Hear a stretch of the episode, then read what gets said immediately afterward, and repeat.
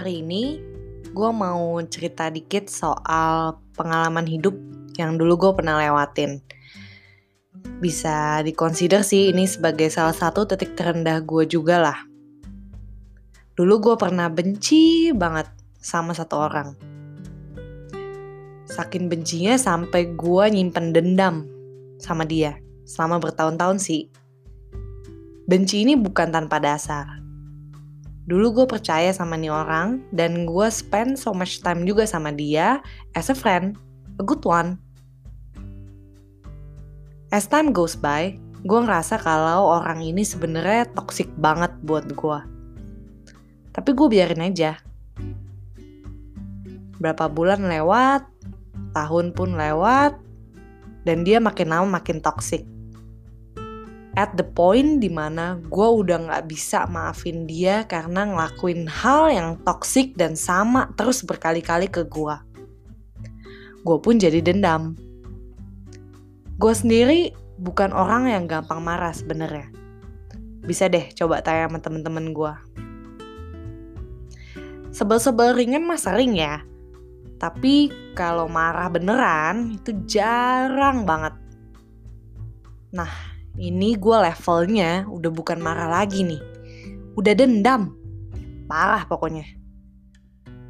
Gue decide buat cut off semua hubungan gue sama orang ini dan stay away aja deh pokoknya. Tapi dalam hati gue, gue masih menyimpan dendam. Gue tried my best buat gak kontak lagi sama dia sama sekali.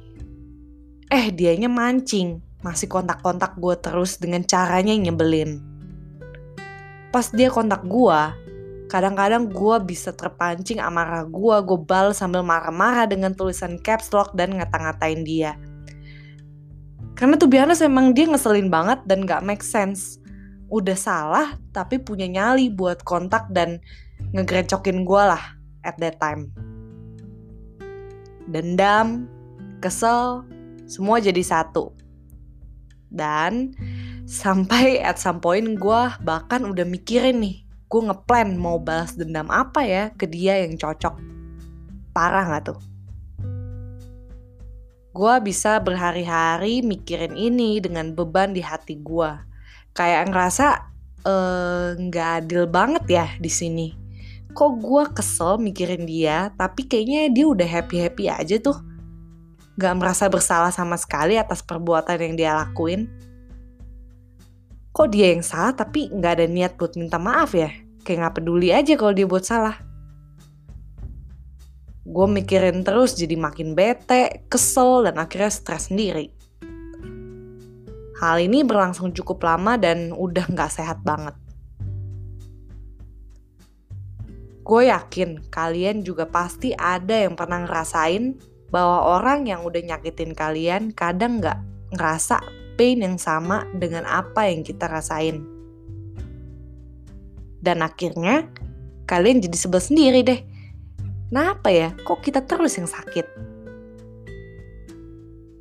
Dari pengalaman gue, gue belajar banyak dan mungkin cocok buat di-share ke kalian yang ngerasain hal yang sama.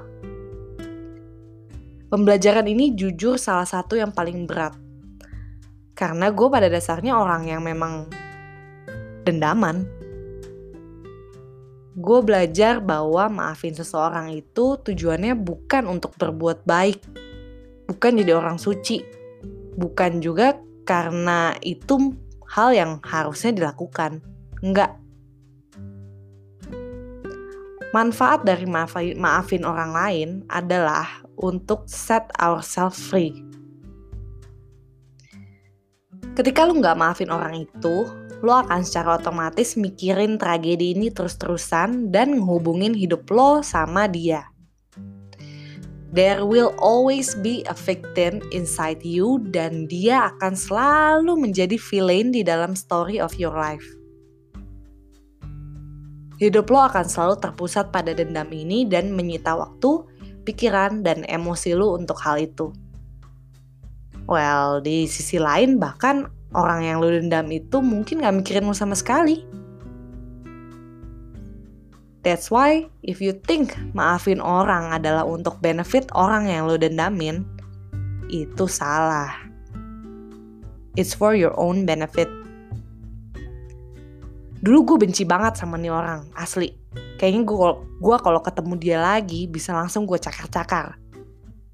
Tapi sekarang gue yakin kalau seandainya gue ketemu dia lagi, gue akan totally biasa aja.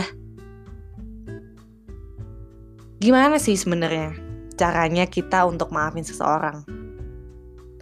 Kalau Google banyak banget kan tuh um, blog-blog self help yang ngajarin lo buat yang kayak let go, terus mencoba sabar, ikutin bacaan Injil and everything. Ya bisa sih. Tapi menurut gua daripada kita mikir gimana caranya, it is better if we understand more on what is forgiveness itself. Ketika kita understand reasonnya, akan lebih flowing untuk proses maafinnya. Gua bukan orang ahli agama atau orang yang pro pakar lah di psikologi. Tapi menurut gua, arti dari I forgive you versi gua. Sama aja dengan gue tau lo salah and it's not okay. It will never be okay. Tapi gue tau lo lebih dari kejadian ini. Kejadian kejadian ini tuh nggak ngedefine lo sepenuhnya. Dan gue nggak mau ngikat kita selama lamanya di dalam kejadian ini gue gak mau terhubung lagi dengan lo di kejadian ini dan kita sembuh masing-masing aja ya. My version of forgiveness is more like that. Gue bukan orang suci, tapi di sisi lain gue juga gak mau jadi orang yang punya ugly personality cuma karena satu kejadian di hidup gue yang terjadi karena orang itu. My life is so much more than that. Satu hal lagi yang gue belajar soal proses pemaafan adalah gak ada tuh yang namanya timeline untuk maafin seseorang. Satu hari, tiga tahun, tiga dekade, gak ada waktu yang definitif untuk maafin seseorang. Jadi, jangan paksa diri kalian atau orang lain untuk kasih maaf kalau memang dia belum siap. Ah ya, one more thing As cliche as it sounds, gue tetap percaya dengan kalimat forgive but never forget.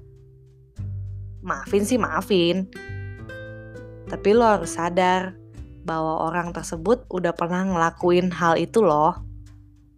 Kalau diulang terus itu namanya eksploitasi dari kata maaf yang lo udah keluarin. Jadinya, maaf terkesan murahan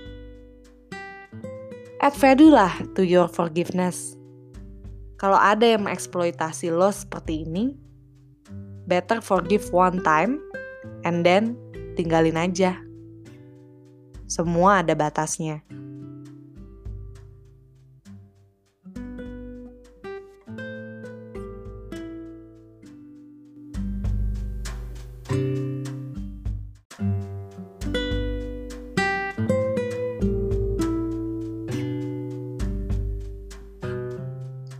Hai everyone, thank you udah dengerin sesi hari ini. Kalau kalian ada cerita yang ingin di-share, please feel free buat email ke 2amsessiontoday at gmail.com atau DM di Instagram kita aja di at 2amsession. Thank you.